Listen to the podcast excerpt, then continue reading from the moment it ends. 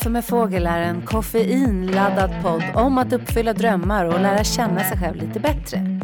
Jag som har den här podden heter Anna Fågel och jobbar som coach, mindfulnessinstruktör, sångerska och producent. Och jag är sjukt nyfiken på hur vi människor fungerar.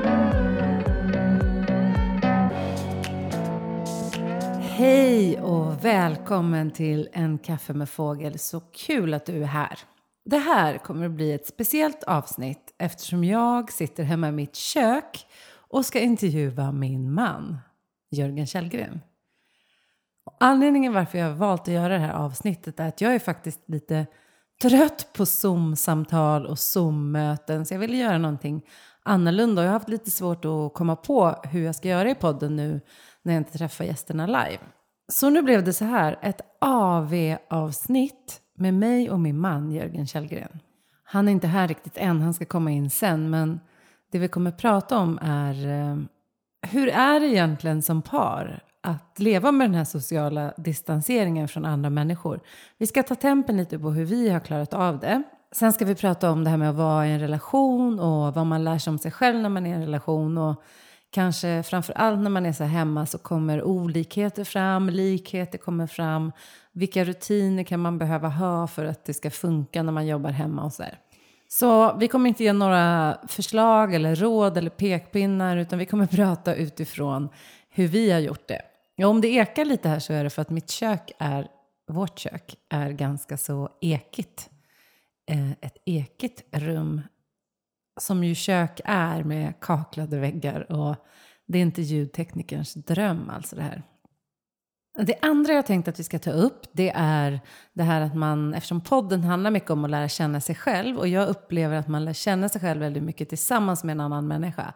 Och det kanske blir ännu tydligare när man lever så här nära tillsammans och umgås så här mycket.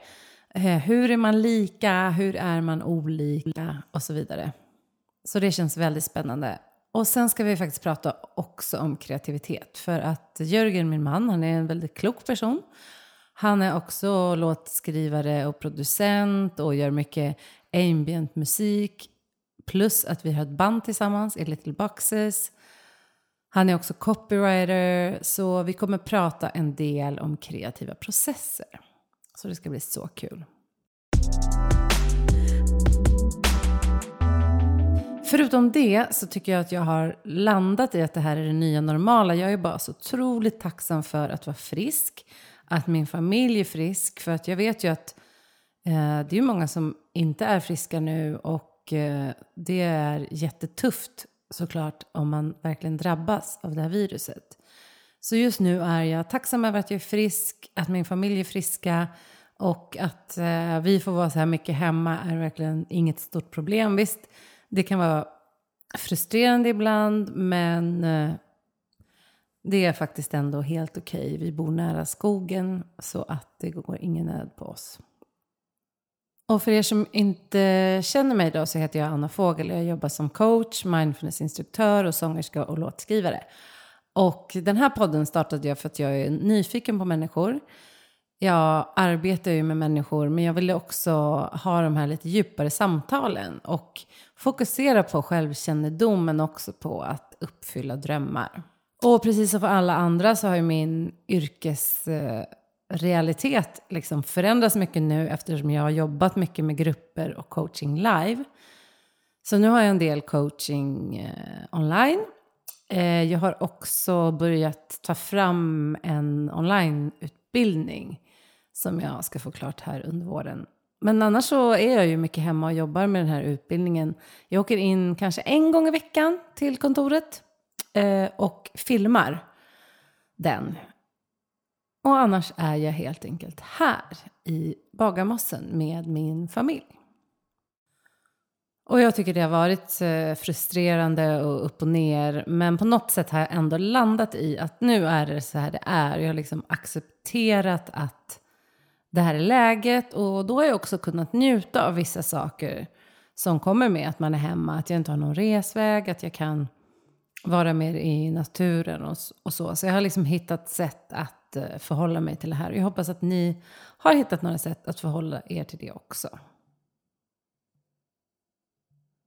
Men nu tänkte jag att jag jag bjuder in min man, Jörgen Källgren, så ska vi prata om hur vi klarar av det här egentligen. Jag kanske kommer få några hårda sanningar om hur det är att leva med mig. Nej, jag hoppas inte. Men eh, jag ska ropa på honom så får vi fortsätta prata snart. Jörgen! Hej! Hej! Välkommen in till En kaffe med fågel. Welcome back. Idag är det en AV med fågel. Du dricker en kaffe med fågel varje dag. Välkommen Jörgen! Tack så mycket. Det här känns väldigt eh, speciellt. Känns som att vi är ett kändispar nu, Ja, vi är ju det. tycker jag. Ett power couple. Ja, ett kändisparet Fågel Källgren. Eh, exakt, och så här är ju vår vardag. Alltså vi sitter väldigt ofta så här. Olika intervjuer i köket. Precis. Nej, men eh, det är det inte. Men ehm, vi ska ju ha ett samtal här. Jag har gett en liten introduktion Ja, om vad jag tänkte vi kunde prata om. yes. Jag gjorde det snabbt så att eh, lyssnarna vet vad de ska förvänta sig. Vad har du sagt då? Det är det. Nej, jag har sagt att vi ska prata om eh, hur vi har det här som par när man umgås hela tiden.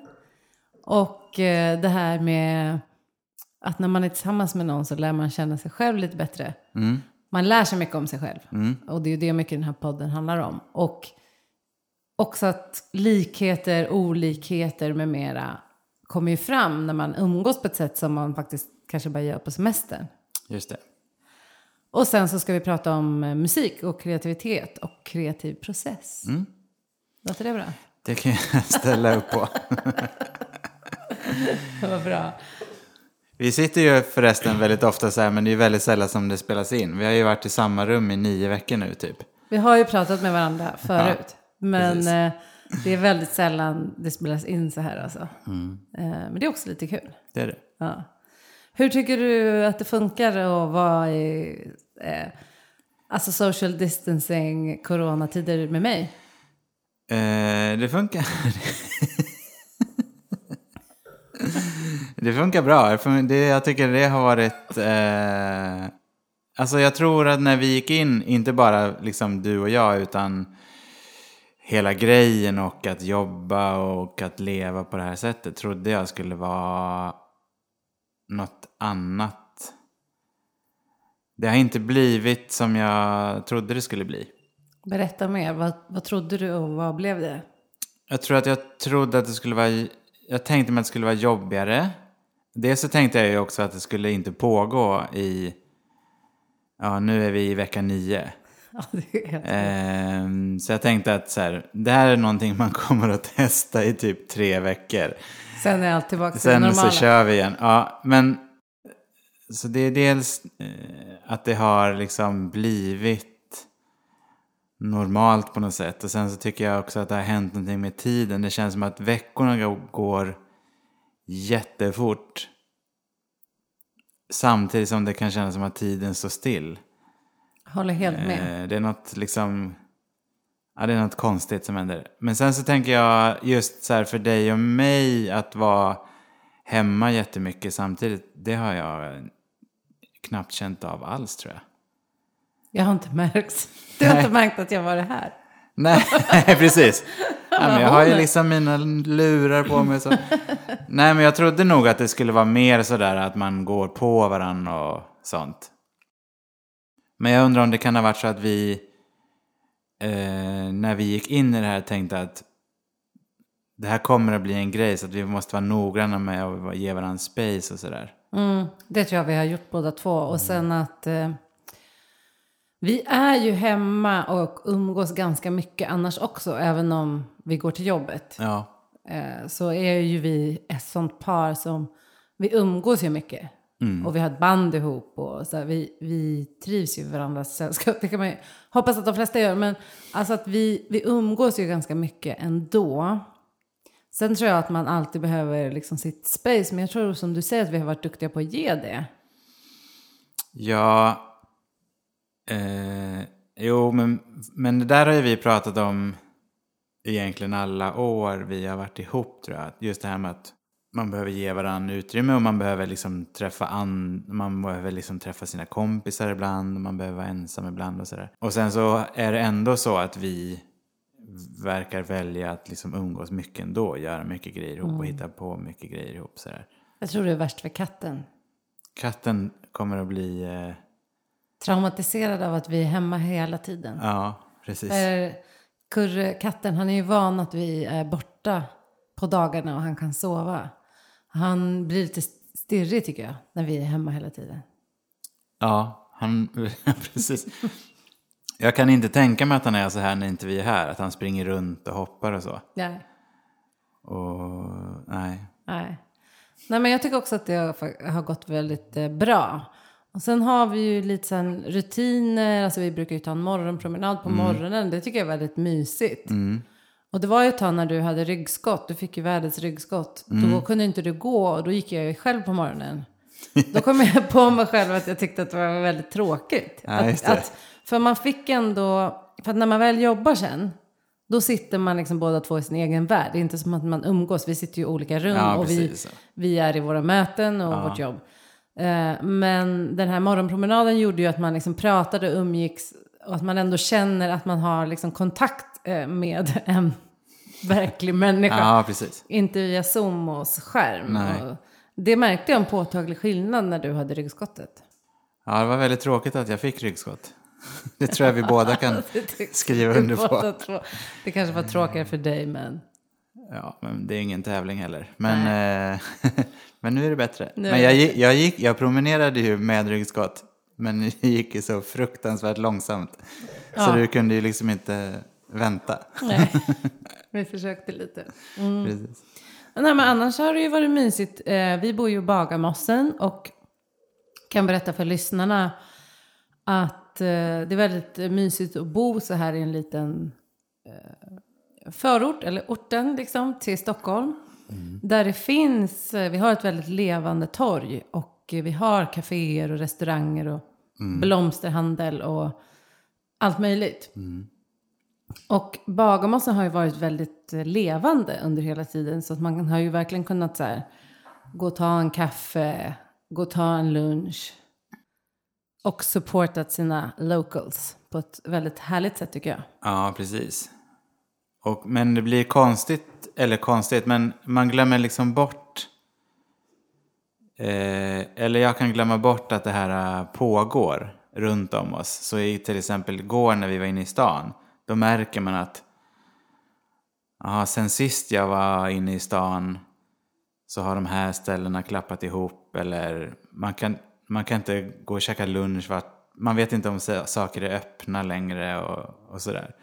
Och det tycker jag, det märker jag inte av alls här i Bagis. Det är ju ett ställe som har haft stängt i några veckor eller så här. Sushin hade stängt lite men det har egentligen inte hänt någonting i det stora hela. Jämfört med om man är inne vid Norrmalmstorg eller sådär. Ja, och du har ju kontor vid Modgallerian. Och Ja. Mordgallerian. Eh, Modgallerian. Och där var ju jag på den gatan. Och där var det ju flera ställen som faktiskt hade stängt. Och jag blev ju så här att jag nästan började gråta. För att jag såg hur påtagligt det är att även om man förstår varför vi gör allt det här och att det är såklart att hälsa och liv kommer först. Så är det ändå, jag tycker som, som företagare och som att man har vänner som driver företag och restauranger och butiker så förstår man ju att det är inte, det är ju liksom människors drömmar. Ja. Alltså, och det kände jag mig sorgsen över faktiskt när jag gick in i stan. Jag tycker det är svårt att hålla den här balansen, alltså om man tänker någon slags eh, empatisk balans. Man har det där i ena vågskålen, att folk, folks livsverk går om intet eller kommer att behöva byggas upp Mm. Eller snart försörjning igen. för, för Försörjning och om man är anställd också. Och, Ja, precis. Och sen och så såklart att folk eh, blir jättesjuka och dör och så. Det är liksom i ena diket och då är det, kan det kännas tungt tycker jag. Men sen i andra diket är det så väldigt mycket grejer som fortgår. Eh, Exakt. Och det är fortfarande folk som driver saker. Det finns fortfarande saker som, som växer. Mm. Folk så- som får jobb, folk som vi har ju sett jobb, det väldigt precis. mycket. Det anställs och det skapas eh, nytt och hittas på. Så det är liksom, jag har hållit på mycket under de här veckorna kä- känner jag själv med de här olika historierna. Nu skulle jag säga narrativ, men det är kanske lite väl skitnödigt ord kanske. Men, eh, men så här att man, det finns olika liksom, informationsspår. Så här, och man kan höra någonting på en presskonferens på tv och så står det någonting på en löpsedel som får en att känna att slutet är nära typ. Och samtidigt så, har, så liksom plingar det till i, i inkorgen om eh, jobbgrejer, alltså att man så här, blir, får förfrågan om uppdrag eller om jag kan rekommendera någon. Alltså det finns fortfarande behov av folk och sådär. Mm. Jag kan tycka att den, det kan vara lite svårt att hålla de två sakerna i huvudet samtidigt på något sätt. Håller helt med. Och det är väl så att livet är typ extra komplext nu. Och att allting händer samtidigt. Och att det är svårt att, att ta in. Och att också alla... Eh, vad ska man säga? Alla har olika utmaningar. Och jag tänker med tanke på att man såg att eh, det var mycket spridning i liksom Järva och det. Och då kan det handla mer om att det är en klassfråga. Eh, när man blev drabbad. Alltså att det är så otroligt många.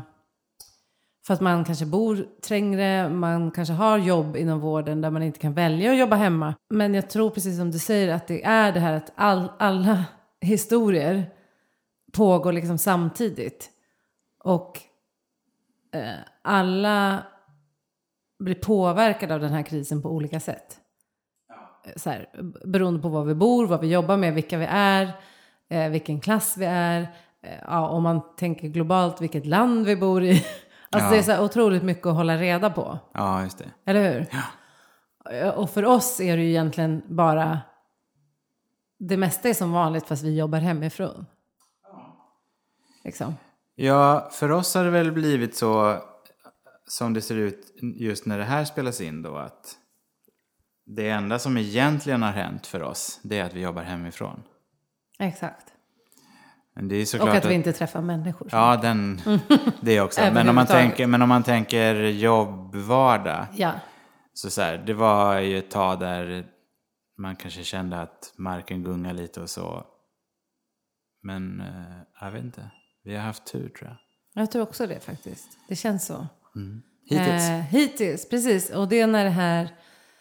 När ni lyssnar på det här kommer det varit ungefär en vecka sedan det här spelades in. Och då har vi ingen aning om hur, eh, hur det har förändrats. Men Nej, jag precis. hoppas att det här avsnittet fortfarande är aktuellt. Eh, och så. Och sen har det såklart göra- förändrats att vi inte har träffat liksom, våra föräldrar och de som är äldre och så som det har gjort för alla andra. Ja, Men det är som det. Snart får vi träffa dem igen. Precis. Mm, och det tror jag är en viktig tanke att eh, så här, det här kommer ju gå över. Det är det jag håller mig i ganska mycket. Men det där är en grej som jag har tänkt på flera gånger när, när det händer saker som är jobbiga.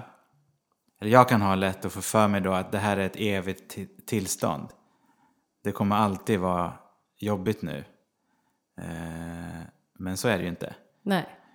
Naturligtvis. Men det, och det kan, det kan kännas uppenbart när man säger det högt. Men när man är i, mitt i någonting så här så kan det vara svårt att...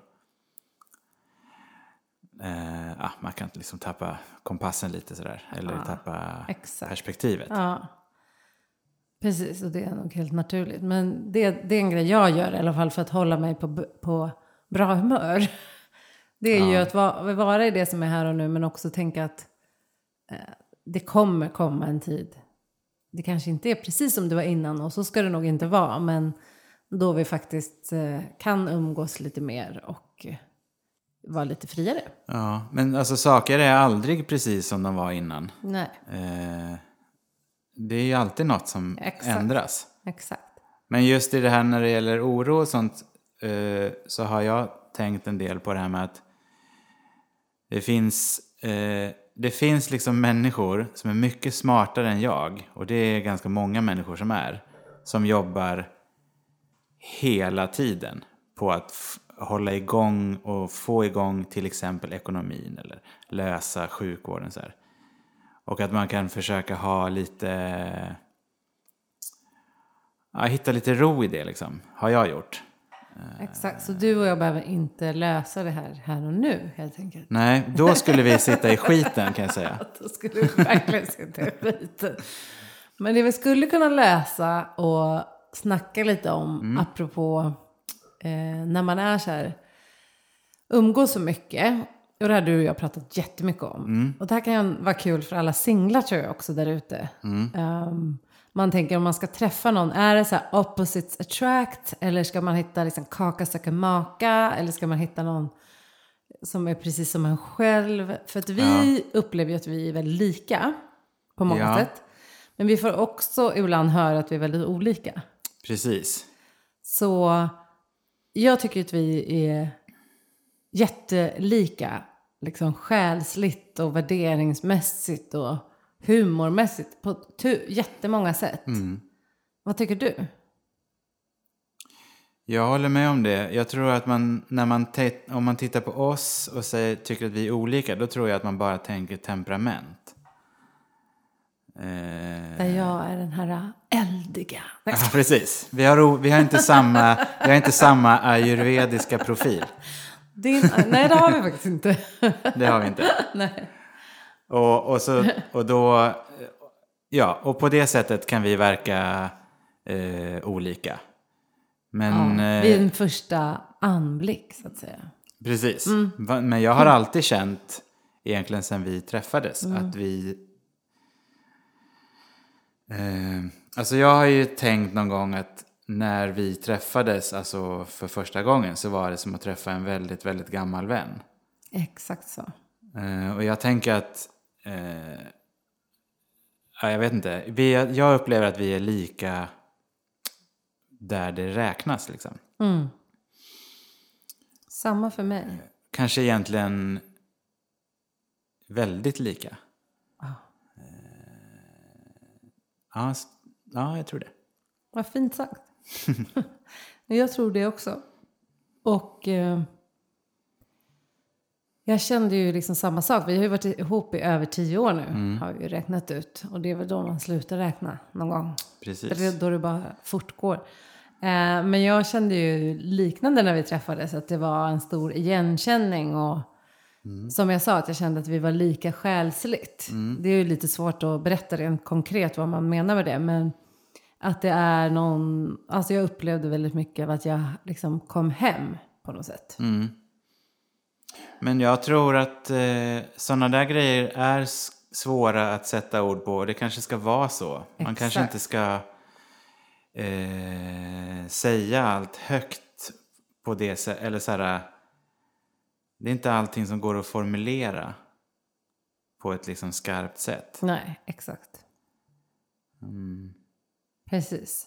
Men sen, eh, eller man får försöka, det var inte det jag menar. Men jag tänker att vissa grejer låter sig Speciellt inte inte i en beskrivas. mikrofon. Jag ska- Nej, precis.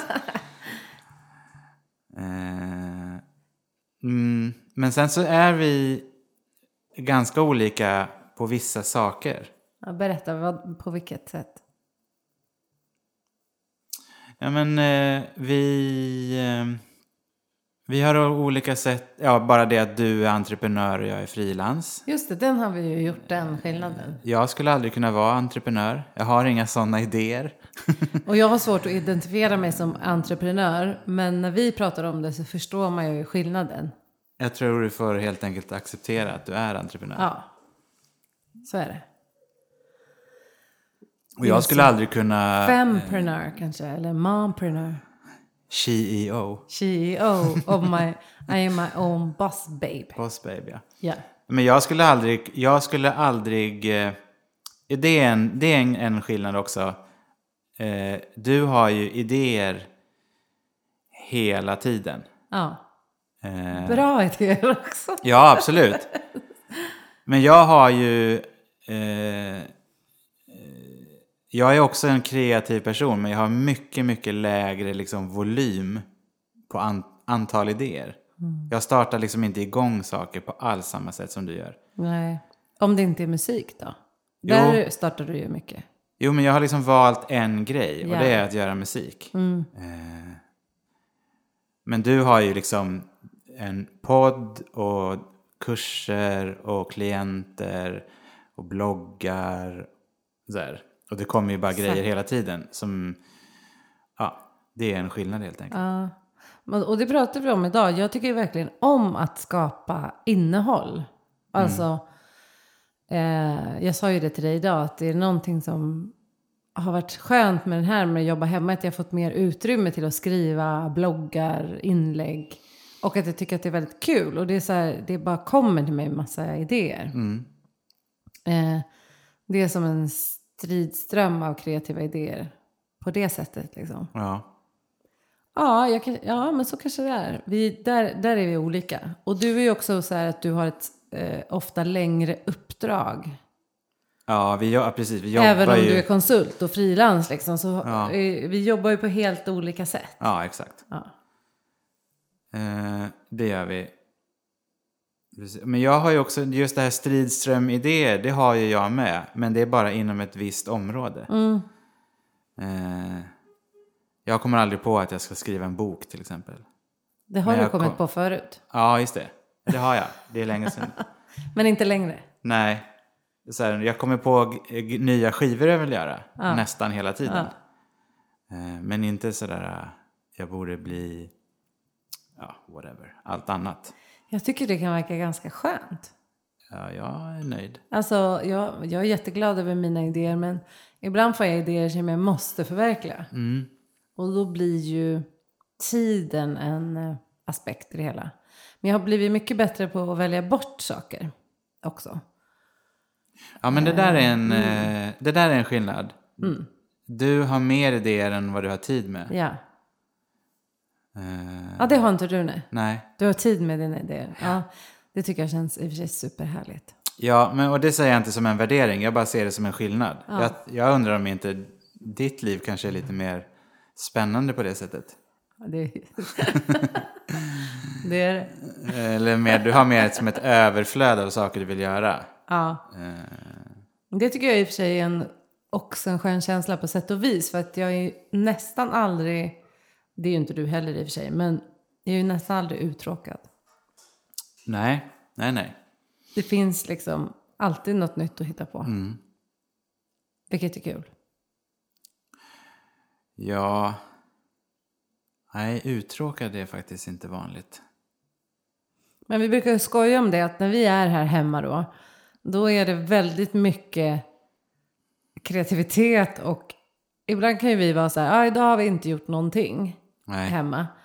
Eh, men det är ändå så att ett barnrum är typ omgjort till någon studio och det är liksom, det, det, hä- det händer mycket här, alltså det kommer mycket ur det här hemmet. Ja, det är det. Det är mycket output. Men det där är ganska, på den tiden man fortfarande gick till ett kontor, då var det ofta så här att man kom på måndagarna och så frågade någon vad man har gjort i helgen. Och då hade jag ofta, eller jag har liksom ofta ett så här, vi gjorde inget särskilt var mitt svar. Men sen som jag började tänka så var det så här, ja, vi städade hela lägenheten, sen gjorde jag en låt, du skrev ett blogginlägg och sen så hade vi, du vet så här, det bara rasar grejer som man Eh, det är liksom som att det bara flödar ur en in, utan att man noterar det. Liksom. Ja, exakt. Och så känner man som om man har inte gjort någonting på den dagen. Typ. Precis. Alltså att det här var en slapp hemmadag. Ja. Men jag tror det är så att när vi, det här har vi också pratat om tror jag, att när, man, när vi inte gör något, då, fö, det är liksom, då föds det. Exakt. Det är som ett naturligt tillstånd att det börjar komma saker så fort man eh, ja, stänger ner mejlen eller vad det är. Så är det ju verkligen. Mm. Men apropå det här olika eller lika då. Har du någon generell tanke? Eh, Tror du att det är bra att vara lika eller att vara olika? Eller lite både och? Eh, jag, har, jag vet inte om det är bra, vilket av dem som är bra. Nej. Jag tror mig veta att det är dåligt att bestämma i förväg vad man vill ha. Så bra sagt. För det tycker jag verkar vanligt, att man tänker att man ska hitta någon som är rolig men inte tramsig och så har man, ska vara ordnad ekonomi och, och, och så ska man gilla skidåkning eller någonting. Eh, jag tror att man liksom smalnar av sökområdet på fel parametrar. Liksom. Mm. Håller med, om det inte är att man kanske har varit med om någonting som har varit väldigt destruktivt. Ja, Alltså- visst. Att man inte vill träffa någon som är elak. Eller det någon tycker så jag är en man inte rimlig kan filtrering. prata Exakt, eller så här, jag vill inte ha någon jag inte kan prata om känslor med. Eller jag vill inte ha någon som är helt, eh, vad heter det, som vägrar kompromissa. Alltså man Ja. kan ju ha varit med om saker så att man måste sätta upp. Jo, men det, precis. Men det där tycker jag är högre värden än att träffa någon som gillar att sporta. Ja, ja. Eller som också älskar hundar eller någonting. Exakt. Ja, ja. Nej, för det kan ju gå ner på detaljnivå. Det vet ju vi som har sett Gifta vid första ögonkastet. Alltså det kan ju vara så här att man Ja. absolut inte vill ha någon som är för kort eller för det eller för det eller för det. Nej, Ja. precis. Och, och då är min... Jag upplever det som att det är de här detaljerna som folk går bort sig. Och Mm. så stirrar man blind på någons... Man stirrar sig blind på någons frisyr typ. och så tänker Mm, exakt. man att jag kan inte ha någon med högt hårfäste. Ja. Eller något. Eh, ja, vad det nu kan vara. Exakt. Så kan det vara. Och eh, samtidigt som det ju, för det här har vi också pratat om med innan nämnda serie. Mm. Alltså att så här, det måste också finnas en attraktion. Ja. Att, att ibland kan man också så här, om man, inte, om man har någon som är snäll, ja. fast man helt enkelt inte är kär. Då kan man ju försöka rationalisera bort sin egen... Alltså så här, ibland är det inte mer komplicerat än att man inte klickar också. Det, precis. Mm. Men det tycker jag eh, att man... eh, Jag vet inte, jag tänker att man inte behöver ifrågasätta sig själv så mycket så att man bara... Ja, men jag, så här, jag känner ingenting för den här personen men jag behöver ju någon som är lite någonting. Så det, alltså det blir för...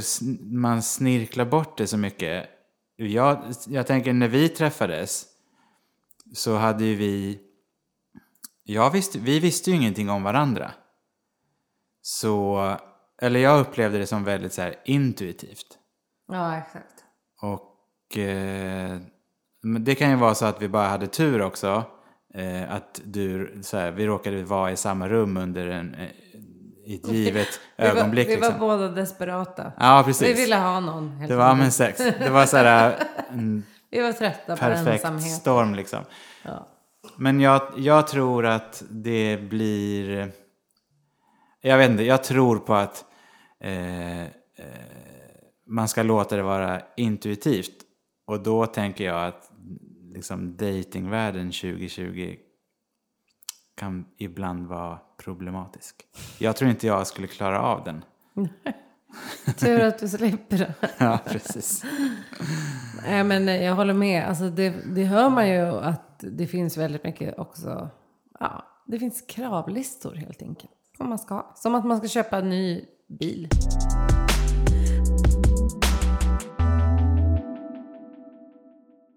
Ja, men så på olika och olika, olika och lika så har du inte direkt någon eh, specifik åsikt. Jag tror att det är bra om man är lika. Fast nu säger jag det bara för att vi har det så. Då, då låter det så här. äh. Men man måste ju dela vissa saker, tänker jag. Jag menar det. Jag tror att det är bra om man är lika på någon slags grund. På vissa grundläggande saker. För annars skulle man ju bråka hela tiden. Ja, vilket ju en del gör i och för sig. Ja, Ja, skit i det. Det får stå för dem. Eh, ja just det. Nej men det är svårt för det, det är ju som att det är olika rön. Alltså ibland säger någon expert att det är bra om man är lite olika. Och ibland säger någon nej man ska vara lika. mm. Men man kanske helt enkelt inte ska tänka så mycket på det där. Men det är väl bra om man har lite saker gemensamt och att man har kul ihop, tänker jag framför allt. Det är i alla fall väldigt viktigt för mig. Ja, nu precis. Jag vet inte om det här ska vara ett så här eh, Anna och Jörgen datingcoacherna. Men eh, jag tänker att alla men, man har ju vissa saker som man absolut inte går med på. Men, och det ska man ha. Den saken ska nog helst inte vara rött hår eller eh, fula skjortor. det gäller att ha sina, ha, sina spärrar på rätt nivå liksom. Ja, just det. Då avslutar vi Annas och Jörgens dating coaching session här. ja. Eh, hoppas att ni fick mer, många värdefulla tips. Eh, och eh, vi går över och pratar om kreativitet, tycker jag. För det är kul. ja. Vi, du är ju väldigt kreativ och du skapar otroligt mycket musik. Först vill jag fråga, har du märkt någon skillnad på nu när du är hemma eller när det är, inte är coronaläge? Är du lik, mindre, mer eller lika mycket kreativ? Jag har alldeles precis insett att jag följer liksom samma cykel som vanligt. Men när, vi började jobba hemifrån då liksom tog vi hem massa grejer från studion och så satte jag upp en, liksom en musikarbetsstation i, i, eh, vad heter det, i, i Violas rum. I ena barnrummet. Och då var min första eh, tanke så här att okej, nu, nu kommer man vara hemma jättemycket. Jag ska, och det här är i hela eh, den världen som jag rör mig i, som jobbar, liksom som man gör elektronisk musik av olika slag.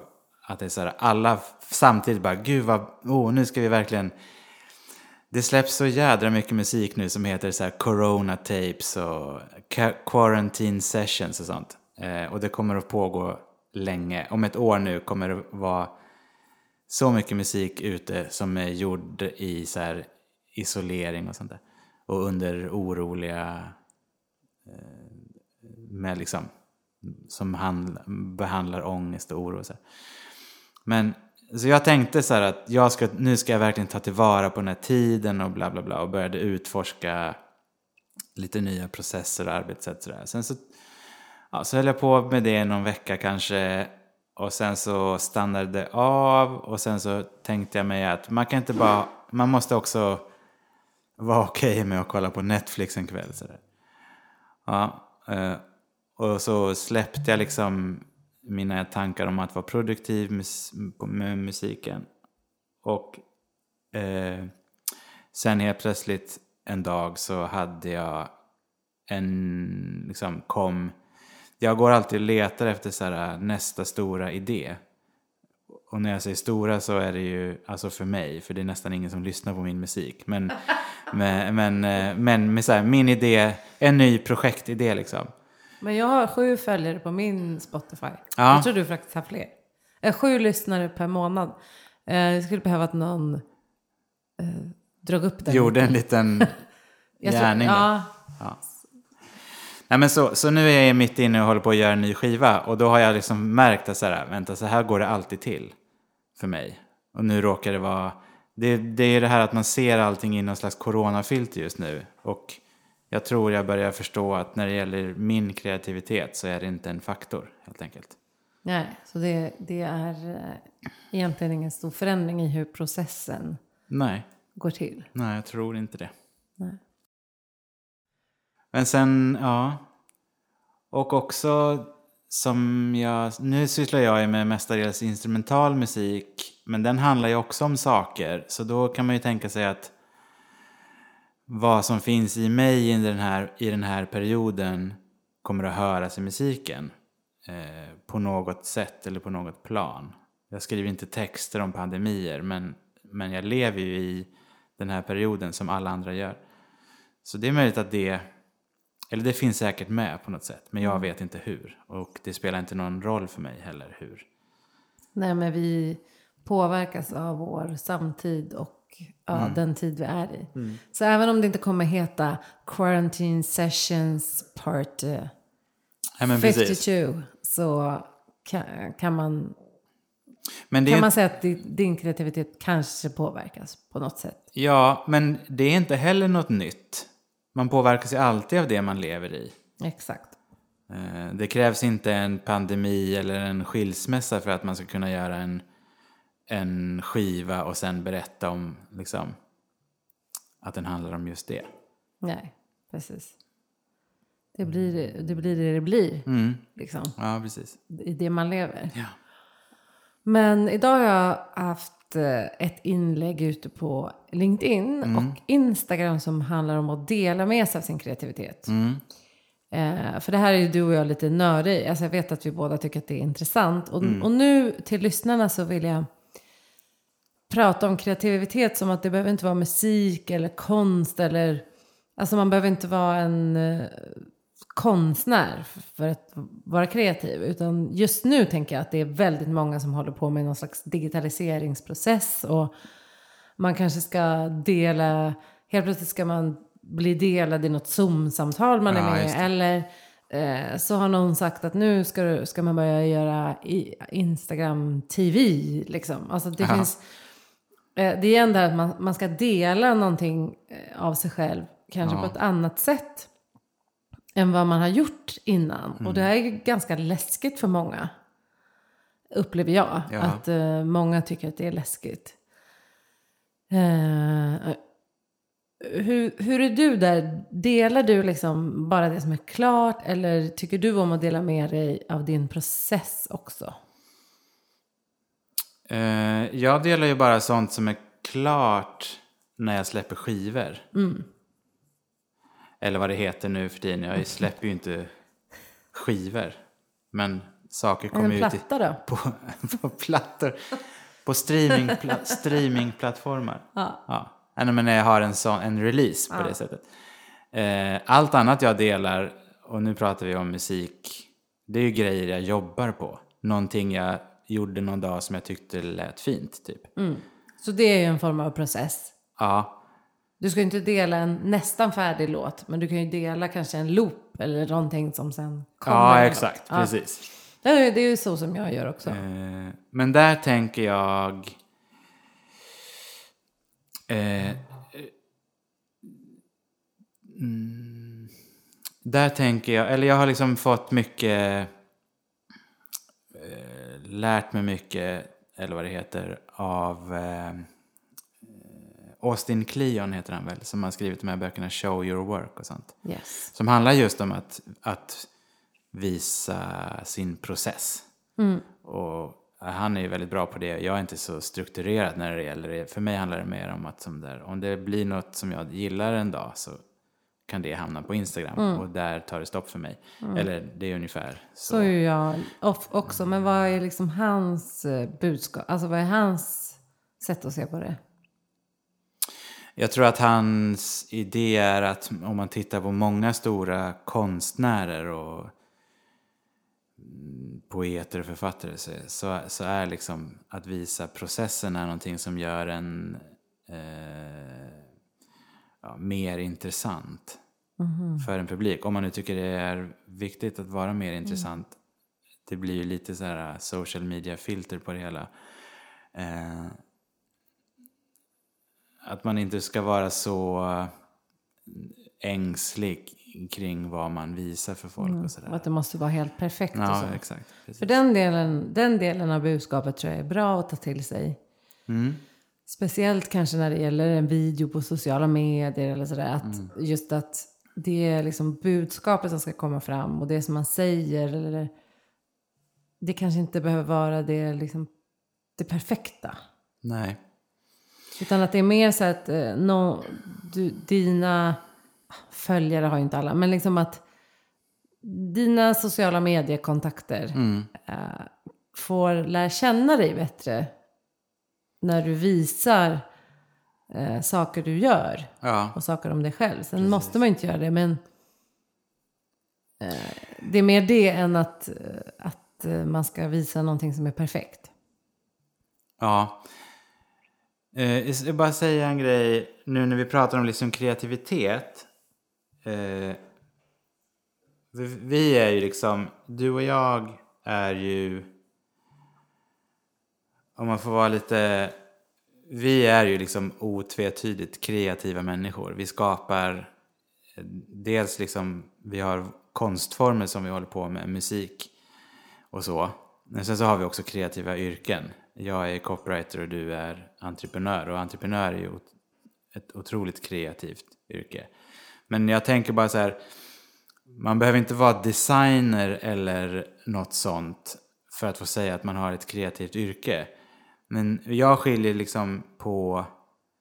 Jag har ett kreativt yrke som inte har speciellt mycket med konstutövande att göra. Men sen så gör jag min musik och den kallar jag för mitt konstutövande. Den är också kreativ naturligtvis. Men, men man kan ju vara... Eh, att vara projektledare kan vara ett kreativt yrke tänker jag.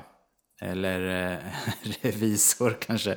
Men, eh, eh, ja men, eh, alltså för att, saker ska, för, för att saker och ting ska bli riktigt bra och liksom för att utveckla någonting och inte bara göra rätt och måla innanför, innanför ramarna så här, då tror jag att nästan alla yrken kräver, kräver kreativitet. Ja, och inte ens om det är ens yrke, utan jag tror att alla kan vara kreativa på olika sätt. Alltså du kan ju vara Ja, ja, kreativ i en, när du lagar en maträtt, eller du kan, Mm. inte vet jag, ha dina Zoom-möten på ett kreativt sätt. Ja, alltså, precis. Här, det, det går att vara kreativ på så många olika eh, sätt. Jag tror att, men jag bara för jag menar det här att många säger ju om sig själva så att jag är ingen kreativ person. Och det tror jag är eh, att lura sig själv. Mm, det, är det, det tror jag också. Jag tror att de flesta har en, kreativ i, en kreativitet i sig. Men att man kanske inte har benämnt den som kreativitet. Nej, precis.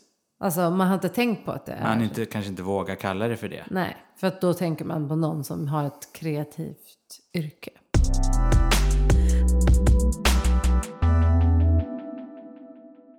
En annan sak som både vi har märkt själva men också sett hos andra. Eh, jag har sett det när jag jobbar med människor och du har sett det på dina jobb och vi har sett det med folk vi känner och så. Människor vi känner. Eh, det är att allting kan kännas jättebra när man gör något kreativt. Ja, Okej, låt säga att det är en låt jag har gjort. Eller att eh, nu har jag gjort en liten matlagningsfilm här med mina recept och jag ska vara på video på första gången. Ja. Men sen precis när jag ska publicera den här, då infinner sig en panik. Release-panik. Ja, precis. Ja. Eh, och det här är ju intressant. Att, och då kan man plötsligt känna att oj, jag behöver nog ändra någonting. Eller det här är nog inte tillräckligt bra. Eller sådär. För vi har ju pratat en del om det här. Eh, hur, hur har det sett ut när du har stött på det här? Har du upplevt det själv? Absolut. Eh, när jag släpper musik så är det... Om jag ska vara helt ärlig, när jag är klar med en skiva då tycker jag att det är, det är världens bästa skiva. Men ändå, när jag, man ska trycka på liksom skicka-knappen till någon som vart den nu ska så händer det någonting i kroppen typ. Eh, och det har inte, det har aldrig gått bort för mig i alla fall.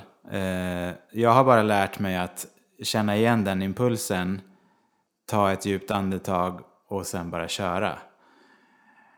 Men, men eh, eh, jag tror att det ingår. Jag tror med det. Ja, man jag- gör saker som folk... Någon kan ju tycka att det man gör är skit. Ja. Eh, eller inte tycka något Ja. och sådär. Men sen tror jag det finns två aspekter i det där. Jag tror att det, den ena är att det bara är en impuls att så här, den ska man bara andas igenom och släppa ändå. Men i vissa fall eh, har jag märkt att det kanske är så här att, jag, att det är som att jag blir extra klarsynt också. Eh, inte alltid, men liksom någon gång. Det är så här, kanske inte just med musiken, för den tänker jag ändå att där håller jag på så himla mycket fram och tillbaka. Så att när jag väl liksom har bestämt att så här, nu är det här good enough, Ja. då är det det. Ja. Men, ja, låt säga att det är... jag ska ta något lite enklare, ett nyhetsbrev som ska ut. Ja. Och så precis när jag ska skicka det så bara, nej fan, den här bannern är inte tillräckligt bra alltså. Nej. Och då kan det ibland vara att den inte är det. Nej, just det. Alltså det kan ibland vara att eh, när jag liksom ser att nu ska det här ut till många, eh, att jag ser förbättringsområdena tydligare. Det där har jag varit med om faktiskt idag. Är det sant? Eh, jag vet inte, jag jobbar ju som copywriter och vi, jag har skrivit ett nyhetsbrev idag som skulle skickas ut. Och så hade jag liksom sagt så här, nu är copyn klar, det är bara att köra. och sen, så, sen skulle en annan person liksom lägga den i, i designen för nyhetsbrevet. Och så fick jag liksom ett korr, ett testmail så här. Då kunde jag, hade jag tror jag fem grejer som jag ändrade Ja. på saker som jag redan hade tittat på och sagt så här, det här är bra, nu kör vi. Ja. Så, ja, jag vet inte. Vissa, det händer, vi, ja, det händer ju grejer. Eh, man missar grejer, man blir blind för grejer. Vissa grejer måste man släppa taget om. Eh, jag är ju ingen perfektionist. Hur man än definierar det begreppet egentligen. Jag är liksom en ganska slarvig person tror jag. Det där lät hårt tyckte jag. Ja, men, ja, fast jag tycker inte att det är en bra, jag tycker inte att det är en så dålig grej. Jag menar bara att, Jag menar men slarvig person, det, det, det, det blev så liksom. ja det kanske blev lite väl kategoriskt. du kan men, slarva ibland då? Ja, alltså det jag menar är att, eh, om jag, ja det kan jag absolut göra. Men jag menar liksom att om jag ska skriva en...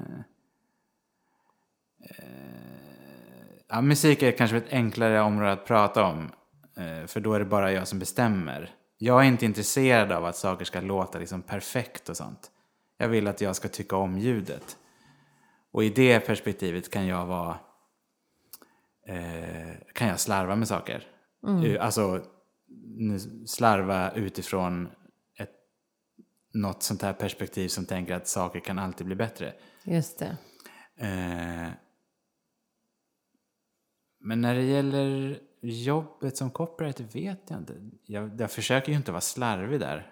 Men samtidigt så är jag också okej med att man missar saker. Och det är ju någon slags, eh, som jag pratade i för, med förra gästen också, om lite self-compassion och att man, Ja. man är mänsklig liksom.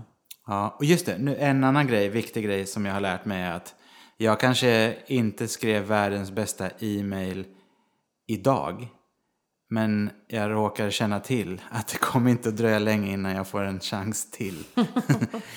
Det är bra. Och då kan man ta med sig lärdomarna framåt istället för att stanna i eh, det man är i just nu. Så här. Yes, och där sätter du fingret på någonting. För att jag tror ju att man växer genom att släppa ifrån sig saker. Ja. Alltså så här, när jag startade den här podden, då bestämmer jag mig för att jag ska starta den här podden. Ja, jag tog en omslagsbild själv, jag liksom spelade in själv och så här. Och jag vet att eh, jag kan göra det här good enough. Men jag vet också hur det skulle låta när det är på den topp, topp, topp kvaliteten eh, jag vill ha.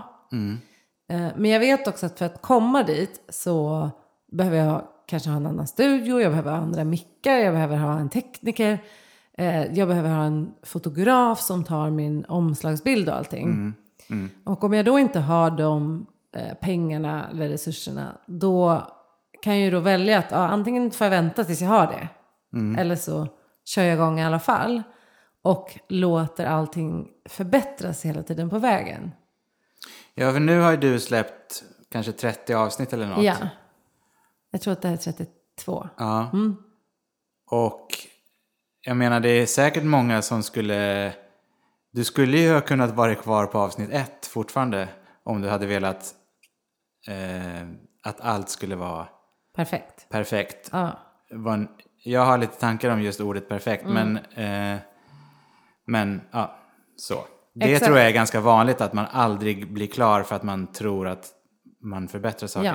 Men det finns också bara, på, i, i vissa avseenden tror jag, att det finns bara eh, det finns bara ett sätt att lära sig saker och det är att göra. Ja. Och till exempel med en podd så tror jag att eh, jag blir ju bättre och bättre i att intervjua gäster och allt därför att jag gör det. Ja. Det är väldigt svårt att öva sig till. Jag kan, jag kan liksom jämföra med att jobba som coach. Du kan gå hur många coachutbildningar som helst. Men inte förrän du sitter med en klient. Och sen sitter du med en annan klient med en helt annan bakgrund. Det går ju inte att lära sig på ett annat sätt. Nej. Och jag tycker om att tänka så med kreativitet också, eller om det är musik eller vad som helst. att Okej, nu släpper jag den här låten. Och det jag ville förbättra, det gör jag liksom på nästa projekt. Och nästa projekt och nästa Exakt. projekt. Då tror jag hela tiden man blir bättre på riktigt liksom. Och jag tror att det är då man kan prata om att man har en, eh, alltså som en kreativ praktik liksom. Precis. Man skapar och släpper och skapar och släpper. Eh, annars är det bara något man pular med hemma. Exakt. Och det får man göra om man vill. Eh, allting måste inte skickas ut i, till världen liksom. Men om man är, om man är liksom klar över att man vill göra någonting som ska finnas ute för andra. Då är det att göra klart som är poängen. Jag tror också det. Göra klart och släppa. Och om Ja. jag går tillbaka till det här och med, jag tänker att lyssnarna, om man kanske... Ja, men man kanske har någonting man ber- vill berätta. Om man vill göra en liten Instagram TV till exempel. Eh, att det är bättre att bara göra den och få ut den. Och sen kan man tänka, ja, jag skulle vilja ha en lite bättre ljus. Eller jag kanske ska köpa en liten mygga så att ljudet blir bättre. Ja, Men att man liksom får ut eh, budskapet, det första man Ja. gör. Och sen kan man liksom förbättra under tiden. För jag tänker det är lite så det ser ut idag också.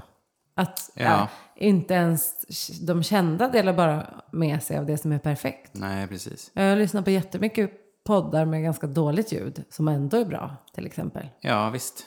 Ja, precis. Och sen tänker jag också på, det här har jag liksom eh, gått på många gånger. Man ser någonting som man, eh, som man tycker är så otroligt bra. Jag vet på liksom den gamla goda tiden när jag var singer-songwriter, då, eh, då såg jag ett klipp med eh, Bon Iver som var på, han var på Jules Holland, eh, musik-tv-program i England. Menar du Bon Iver? Ja, exakt. Det gör jag. Eh, Kärt barn har många namn. Precis. Eh, och jag tyckte det var så fruktansvärt, fruktansvärt bra det han gjorde där. Och så ville jag liksom vara där. Och, så, och, då, och då är det ju väldigt lätt att misslyckas. Eller om man tittar på... Eh, ja, så det jag liksom lärde mig av... Det jag lärde mig var att jag måste titta på... Jag som är en, en helt, bara en helt vanlig kille med gitarr i Stockholm. Jag måste titta på vad som händer på vägen till en internationell eh, tv-show. Exakt. Eh, innan jag kan bara gå rakt dit och sitta och liksom sjunga hjärtat ur kroppen.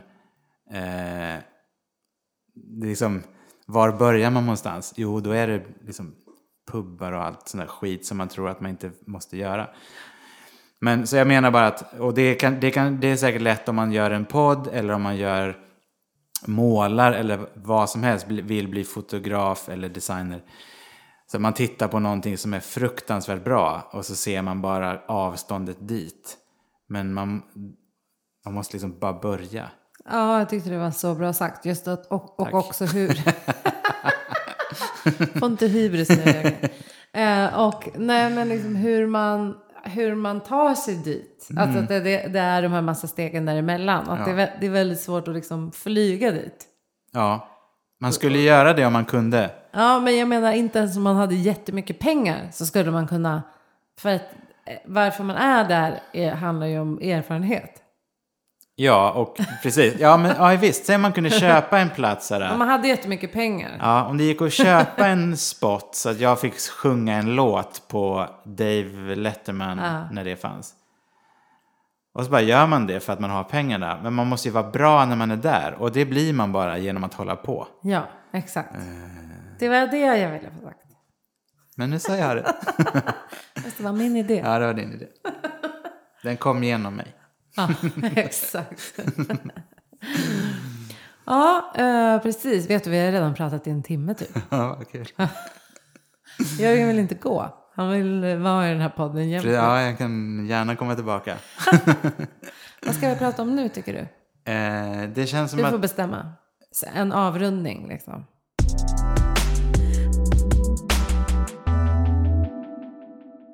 Eh, jag tror på, om vi nu pratar om kreativitet, men även så här att eh, navigera livet generellt. Jag hoppas ni skriver ner det här nu. Men, eh, Nu är det visdomsord. ja, precis. Det är det här som kommer bli en quote sen. Ja, exakt. Okej. Ja. Jag har väldigt mycket kärlek till min egen inre kompass. Och eh, jag tror att det finns ett värde i att liksom hitta den i sig själv. Och, och, det, och låta den styra, ja, kanske allt man gör, men så här. Eh, vad är rätt nu, i, i, de, i eh, dessa tider som vi säger hela dagarna nu? Vad är rätt att göra just nu med mitt företagande? Eller hur ska jag tänka kring jobb? Eller vad ska jag göra med... Alltså det är så lätt att man börjar titta utanför sig själv och ta in tips. Och mitt tips är att göra mindre av det. och ta tips från sig själv. Fint Jörgen! Alltså det var ju väldigt fint. Och eh, där vill jag lägga till någonting om feedback. Eh, för att jag är helt på ditt spår. Eh, och det är ju det här att när man lyssnar på sin inre kompass då behöver man inte lika mycket feedback från andra. Så är det. Och det här har både du och jag pratat om att vi, ibland kan jag ju vara så här att jag vill ha feedback och då frågar jag om det. Men ibland vill jag inte ha det. Alltså för att jag känner själv när jag tycker någonting är bra. Och, eller så här, det blir som jag vill ha det. Det kanske inte ens handlar om bra eller dåligt. Utan så här, den här låten blev som jag ville ha den. Ja, det där är mitt mått på, på perfekt för övrigt. Ja, Om det exakt. blir som jag vill ha det, då är det perfekt. Ja, och det är ju för att man hade en inre kompass. Man visste så här vad man ville ha för känsla och vad man ville. Ehm, mm, så det är ett bra tips. Lyssna inte för, på för många tips. Men jag, men jag tror faktiskt att det är, utan att, att skratta då när jag säger det. och säger det på lite mer allvar. Att jag tror just att i, i dessa tider så är det då just som du sa, att det kan vara väldigt så här, tydliga, så här, så här ska du göra för att ditt företag ska lyckas. Eller så här ska Ja, du göra. Eh, Men om det inte rimmar med en själv. Exakt. Eh, om det inte, jag vet att man inte ska säga det här, resonerar på engelska. Om det inte resonate, Slår an. slår an Något. någonting hos en själv. Eller det finns ett bättre ord som jag inte kommer på just nu. Eh, ja, jag kommer inte på det. Ja, men om det inte känns rätt eh, så kanske det inte är rätt för en själv. För jag kan tänka mig att kanske många tips ju handlar om att så här, eh, synas, höras och göra. Ja. Men vem vet? Det bästa för någon ensamföretagare eller vem det ens kan vara kanske att gå inåt. Alltså det kanske är det som kommer föda alla idéer, det vet vi ju inte. Nej, precis. Ja, man får känna hur saker landar i en. Mm. Eh, och sen göra vad man vill med dem. Mm, precis. Bra sagt. Ja. Är vi klara nu? Ja, nej men. ehm, det var väl det här vi hade att säga från köket Jörgen. Jag hoppas att ni lyssnare har fått med er någonting av det här. Och eh, jag måste lägga till att även vi kreativa människor har dagar då vi bara kollar på Netflix och äter Ben Jerrys. Så vi inte låter som det där, här, bara, här är det bara kreativitet hela tiden. nej, nej, nej. Men Det det, är är det ju. Ja, men eh, det, det sker även när man eh, liksom tittar bort en stund så Ja. föds något i bakhuvudet. Exakt. Så eh, tack Jörgen för att du kom hit till vårt kök. Tack, tack. Eh, en kaffe Att med jag fick- vara med. Du blev insläppt. Ja. Och eh, till er andra som eh, har lyssnat så vill vi också säga tack. Tack och hej. Tack och hej. Hej då.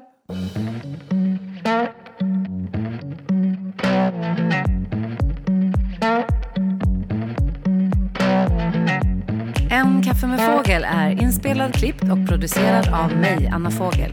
Följ gärna podden på Instagram, att en kaffe med fågel. Vill du komma i kontakt med mig för kurser, coaching eller andra samarbeten? Kontakta gärna mig på www.byannafogel.se anna.byannafogel.se eller gå in på Facebook med samma namn. Ha det fint. Tack för att du lyssnar. Hej då.